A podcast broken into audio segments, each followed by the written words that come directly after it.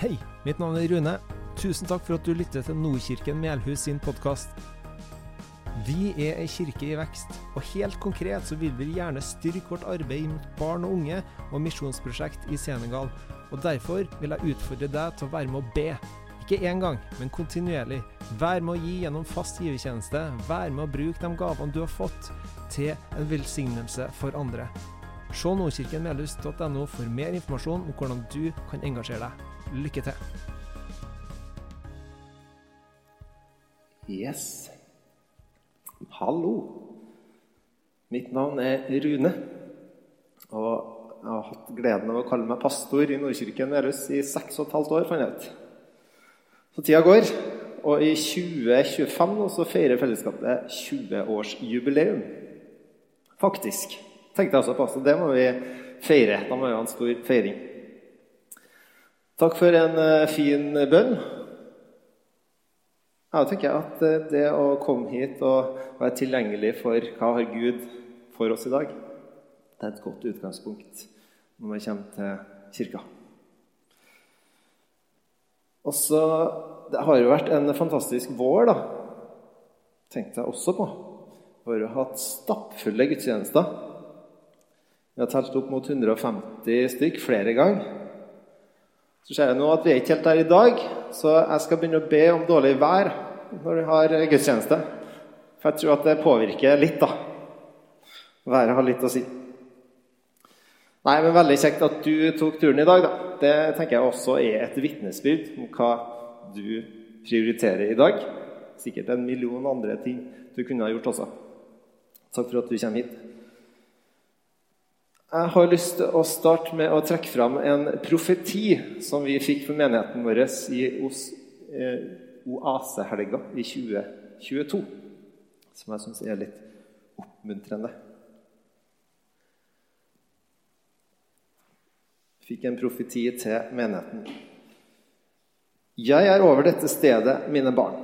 Jeg er her med min ånd, min kraft. Jeg vil komme over dette stedet med en vekkelse og fornyelse. Men da må du ta av dine egne sko og gå i mine. Gå sammen med meg.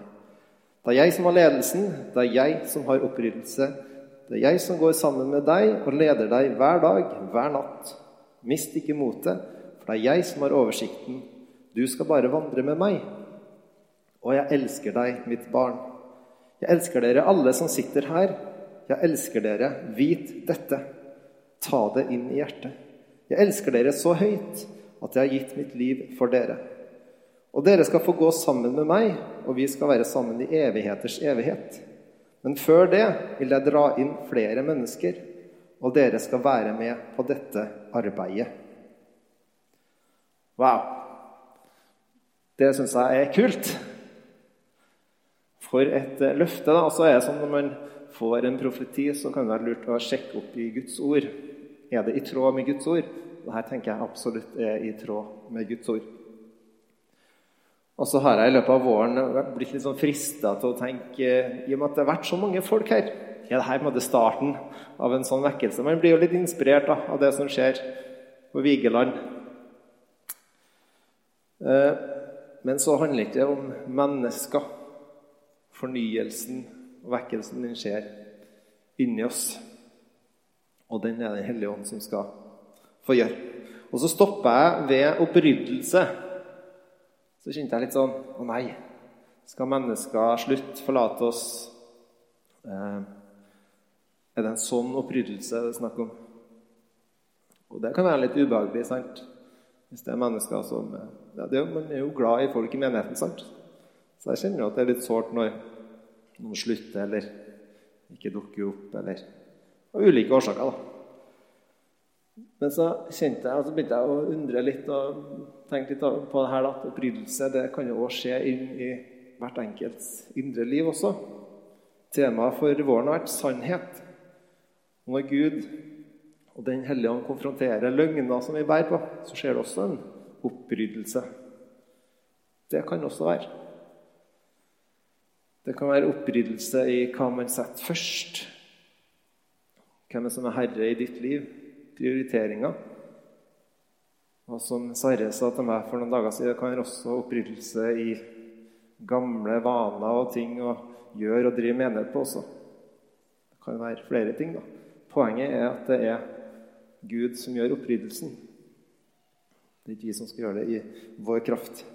Så stikkordene for profetien her er ikke egen kraft, tillit til Gud, mist ikke motet, Guds kjærlighet til oss, frelse og innhøsting. Og det er i tråd med evangeliet, også i tråd med dagens tale. Yes. Ok. Da skal vi gå til dagens tekst, som er henta fra Efeserne. Som vi skal lese sammen. Dette er en bok som vi har referert til flere, ved flere anledninger de siste årene. Det er kanskje med god grunn. Men vi slår opp i Efeserne 2, vers 1-10. Der står det Dere var en gang døde pga. misgjerningene og syndene deres. Dere levde i dem på den, på den nåværende verdens vis og lot dere lede av herskeren i himmelrommet, den ånd som nå er virksom i de ulydige. Ja, vi levde alle en gang som dem. Vi fulgte lystene i vårt eget kjøtt og blod og lot oss lede av det og av våre egne tanker. Vi var av naturen vredens barn, vi som de andre. Men Gud er rik på barmhjertighet. Fordi Han elska oss med så stor en kjærlighet, gjorde han oss levende med Kristus, vi som var døde pga. våre misgjerninger. Av nåde er dere frelst. I Kristus Jesus har han reist oss opp fra døden sammen med Han og satt oss i himmelen med Han. Slik vil Han i de kommende tider vise hvor overstrømmende rik Han er på nåde, og hvor god Han er mot oss i Kristus Jesus. For av nåde er dere frelst ved tro.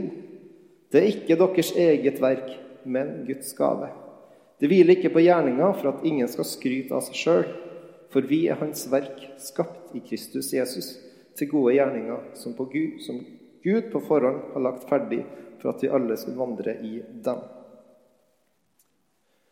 Tittelen på dagens tale undervisning er 'Sannheten om nåden'. Og Dette er en tekst som sier både mye og lite om nåden. Den komprimerer da, et stort tema, men Paulus er veldig spot on. Og som vi har sagt før, så er det Vil ikke du få hele sannheten om dagens tema, men du vil få et lite perspektiv. Perspektiv som du kan ta med deg inn i her. Og så håper jeg at du åpner deg opp for hvordan kan dette eh, ha en påvirkning på meg, eller hvordan kan jeg anvende Guds ord i dag. Paulus han skriver til efeserne, menigheten i Efesos, som er grunnla på Jeg husker ikke om det var første eller andre misjonsreise, men grunnla menigheten i Efesos. Det kan vi lese om i apostlenes gjerninger. Og Byen Efesos den befant seg i Lille-Asia, som er en del av dagens Tyrkia. Paulus skriver dette brevet når han sitter i varetekt i påvente av en rettssak i Roma. Så skriver han til dem. Så skriver han dette som et rundbrev. Det vil si at det brevet her skulle sendes rundt til menigheter i området i Lille Asia. Gjerne kopiert og sendt videre rundt. Første halvdel av brevet det handler om hva Gud har gjort for oss. Mens siste halvdel handler om hvordan skal vi da leve i lys av det han har gjort for oss. En respons, på en måte. Den er skrevet til ikke jød... Nei, den er skrevet til både jødekristne og hedningekristne, ikke jøder. Men henvender seg størst grad til hedningekristne. Efestos var hovedstaden i Lille-Asia. Det var en strategisk og en, eh, en av de viktigste havnebyene da, og handelsbyene. Byen var praktfull, marmorlagt hovedgate det bodde ca. 250 350 000 mennesker der. Men det Efesos var kanskje mest kjent for, det var det religiøse miljøet der. Det var en, en åndelig fornøyelsespark, har jeg hørt. Eh, de tilba bl.a. rundt 50 ulike guder og ånder. Den mest kjente er kanskje gudinnen Artemis, som hadde et veldig stort tempel der. De tilba alt fra egyptiske guder, keiseren, astrologi, mystikk, magi, jødisk mystikk og andre myster, mysteriekulter, som eh, gjennom ulike ritualer kunne de oppnå dypere relasjoner med en gud da, og få åndelig kraft og innsikt. Og Når man vet det her, så er det kanskje enklere å forstå hvorfor Paulus bruker litt sånne svevende ord da, når han henvender seg til efeserne.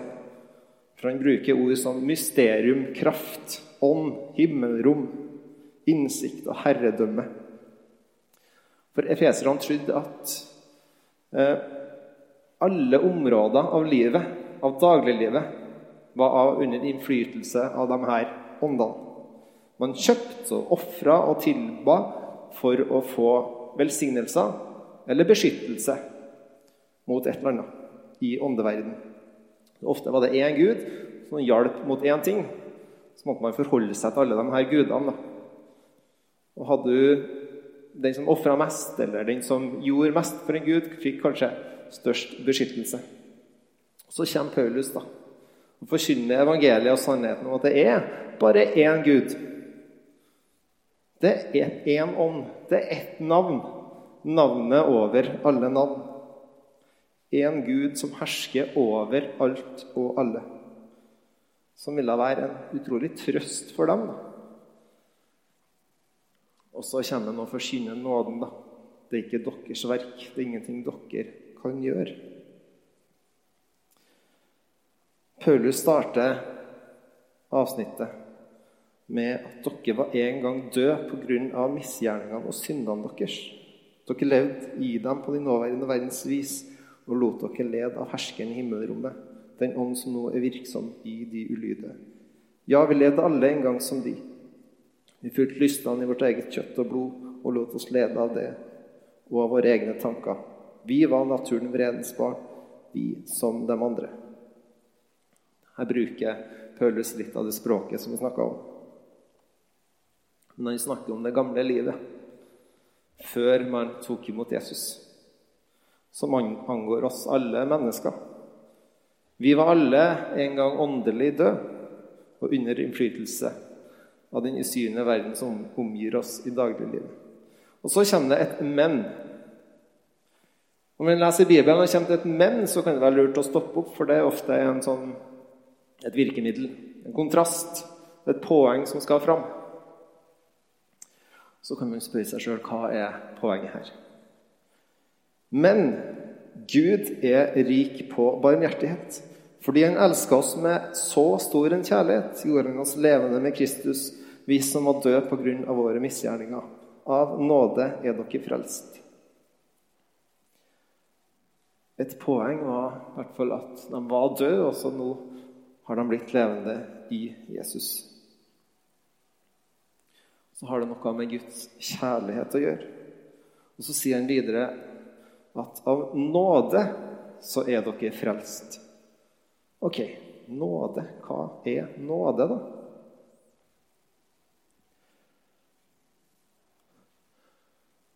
Så leser vi videre. I Kristus Jesus har han reist oss opp fra døden sammen med han og satt oss i himmelen med han. Slik vil han i den kommende tida vise hvor overstrømmende rik han er på nåde, og hvor god han er mot oss i Kristus Jesus. For av nåde er dere frelst ved tro. Det er ikke deres eget verk, men Guds gave. Det hviler ikke på gjerninga for at ingen skal skryte av seg sjøl. For vi er Hans verk skapt i Kristus Jesus til gode gjerninger, som Gud på forhånd har lagt ferdig for at vi skulle vandre i dem. Ut ifra teksten så ser vi at nåde er en gave.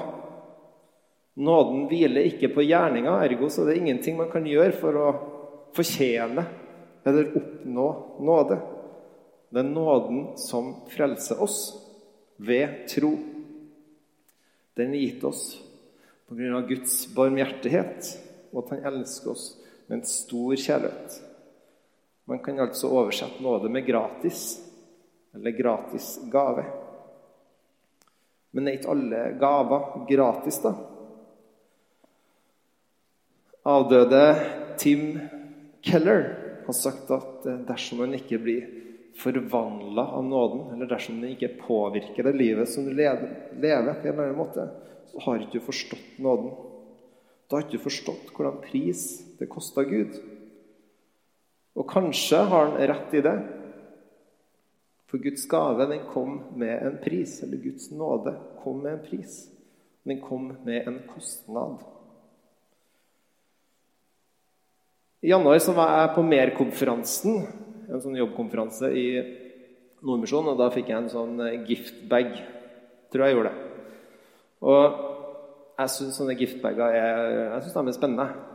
Jeg åpner dem med stor spenning. Der er det jo alltid, nesten alltid en penn. Penn, også i skriveblokk, gjerne. Kanskje en eh, sjokoladebit eller en drops. Eh, en refleks. Ja, merka med organisasjonens logo eller hotellet du bor på, eller en eller annen eh, forsikring som man er sponsa Og ja Det er hver gang, det.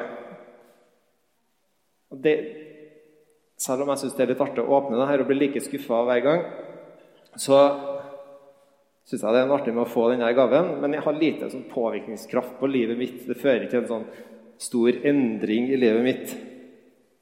Liten kostnad, egentlig, som ligger til grunn. Ok. Tenk deg hvis du har vært bortreist, hvis du er bortreist, og så har du gitt nøkkelen til en venn til huset ditt.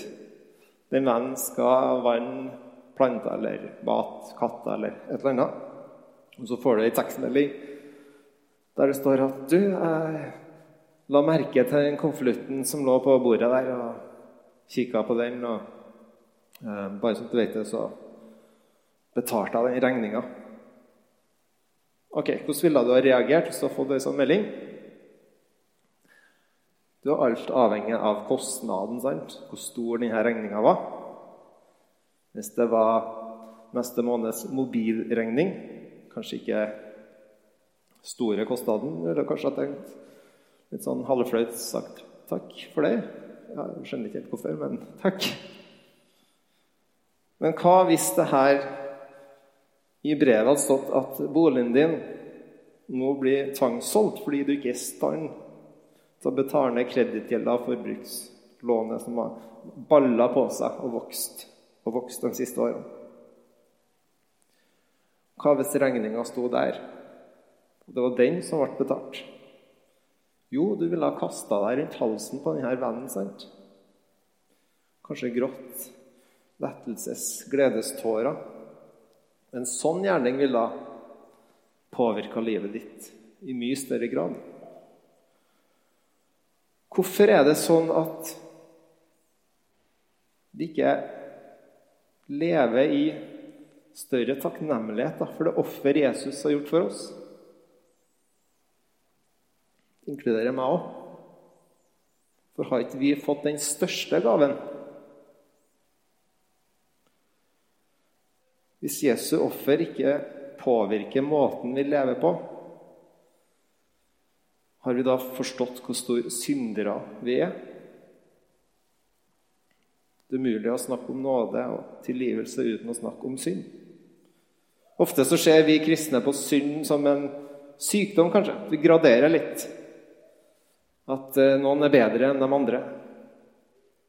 De der er i hvert fall ikke innafor, for de synder, de kan, de synder så stort. Mordere sant? Jeg orker ikke å ramse opp alt det fæle som skjer. Og Så kan man se litt på seg sjøl at 'jeg får til det og det'. Og, ja. Nei, ingen kan bli, eller bli rettferdig overfor Gud av egen, av egen kraft.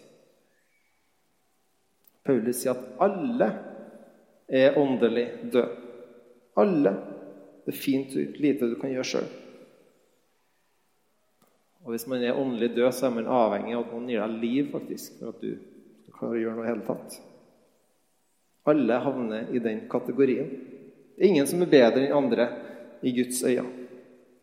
Helt fra syndefallet har vi vært åndelig døde, atskilt fra Gud fordi menneskene valgte Gud vekk istedenfor å bruke vår frie vilje til å elske han og leve sånn som han har lagt til rette for. Etter syndefallet så har profeter på profeter kommet og blitt sendt og vært Guds talerør, talerør til oss mennesker om at lev sånn. Lev sånn. Så vil du få adgang til Gud. Og advarsler om å gå i feil retning. Likevel så svaret har alltid vært nei, vi vet best sjøl. Så Gud han var nødt til å komme sjøl til jorda. Ikke en profet eller en lov til hadde hjulpet men Gud måtte komme sjøl. Jesus han levde det der livet for oss. Det livet som vi skulle ha levd, det levde han for oss. Og Jesus døde den døden som vi skulle ha hatt, for oss. Døden, den hadde en pris. Og hvis du vet hvor stort offer Om du vet prisen han betalte for deg, om du bare forstår litt av den kjærligheten Gud har for deg, så er det nærmest umulig å ikke leve i takknemlighet. Bibelen snakker om en fred når vi tar imot nåden, som alltid er der. I stormer, i kriser, i sykdom og depresjoner. Det betyr ikke at det nødvendigvis forsvinner, men det ligger en fred i bunnen.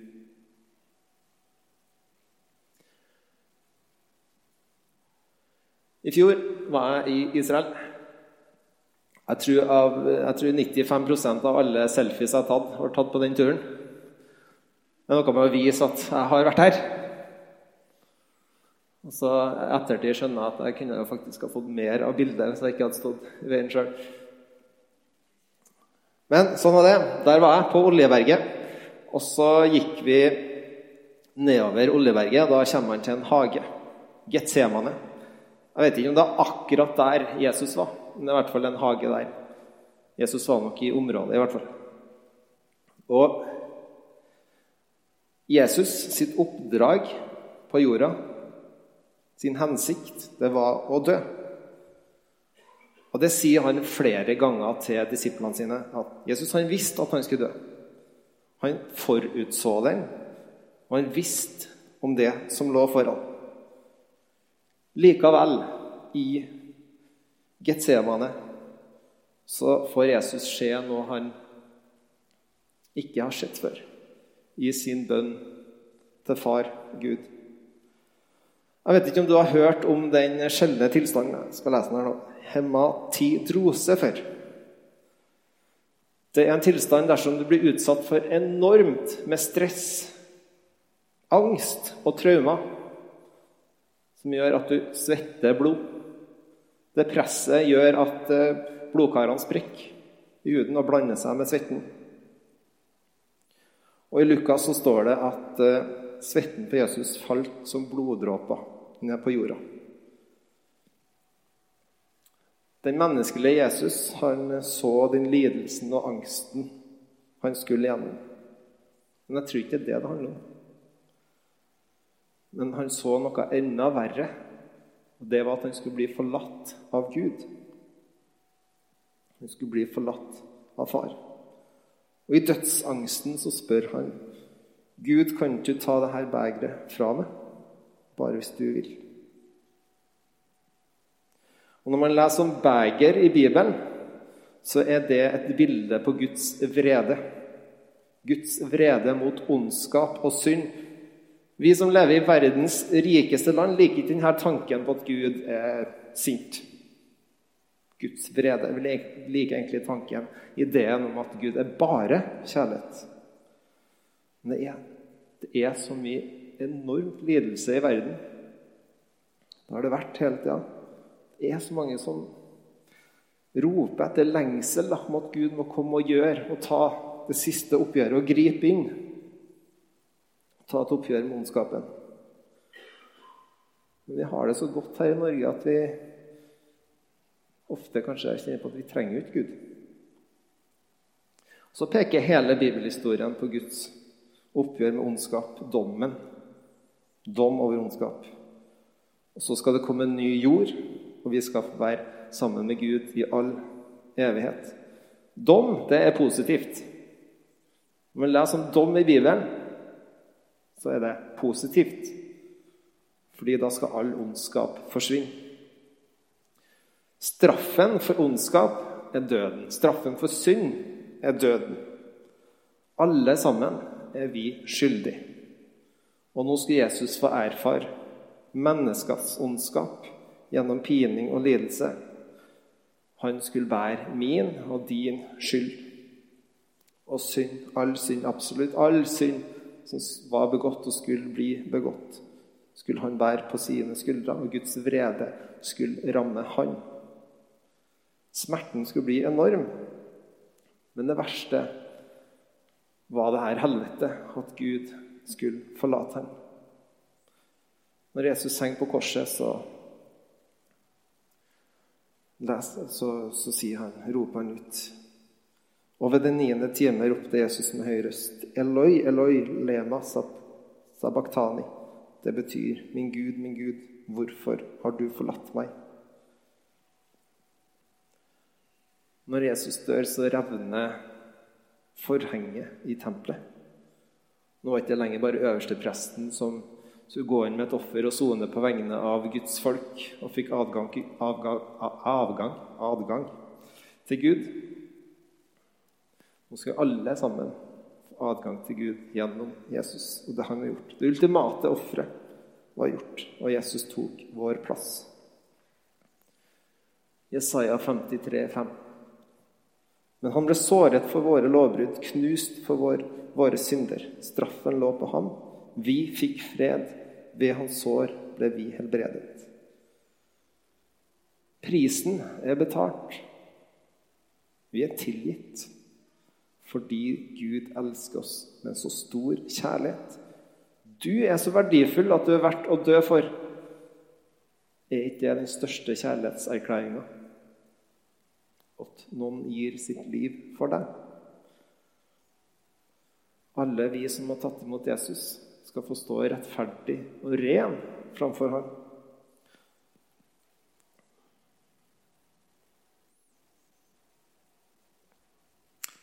Og Når Jesus kommer igjen, så kommer det til å bli fantastisk. Ingen sorg, ingen smerte, ingen sykdom, ingen død, ingen ondskap. Ingenting av det vil eksistere mer. Og vi skal få leve på ny jord i all evighet. Og det er håpet vårt. Det håpet her snakker vi altfor lite om. Kanskje fordi nettopp vi har det så godt i Norge. Vi har så mye penger her at vi kan kjøpe oss unna alt. Forsikringer og ja. Men på et eller annet tidspunkt så vil du innse at penger det vil ikke redde deg. Dine gjerninger, din moral, vil heller ikke frelse deg. Man er faktisk avhengig av en frelser. Og så inviterer Gud oss til å ta imot Jesus, ta imot nåden, en gave. Jeg skal avslutte med å lese en liten historie fra Lykkas. Når Jesus hang på korset, så hang det to forbrytere ved siden av Jesus. Korsfestelse det var den strengeste straffa og den mest brutale straffa du kunne få. Det var den verste av de verste som fikk den straffa. Mens den ene forbryteren håner Jesus, så viser den andre anger og anerkjenner Jesus som Herre. Så blir vi vitne til Guds nåde. En av forbryterne som hang der, spotta han også og sa, Er ikke du Messias? Frels deg da sjøl og oss. Men den andre irettesatte han og sa, Frykter du ikke Gud, innen du har samme dom over deg? For oss er dommen rettferdig. Vi får bare igjen for det vi har gjort. Men han har ikke gjort noe galt. Så sa han, Jesus, husk på meg når du kommer i ditt rike. Jesus svarte, sannelig, jeg sier deg, i dag skal du være med meg i paradis. Lovsangstime kan komme. Takk, Jesus, for det offer som du har gjort for oss. Takk for nåden. Takk for at det er den som tar imot oss, og det er den som bærer oss når vi ikke lever det livet du ønsker for oss. Takk for din ufattelig store kjærlighet og barmhjertighet mot oss. Takk for at du elsker oss så høyt at du sendte din egen sønn til å ta denne straffa. For at vi skal få være med deg og leve etter oss.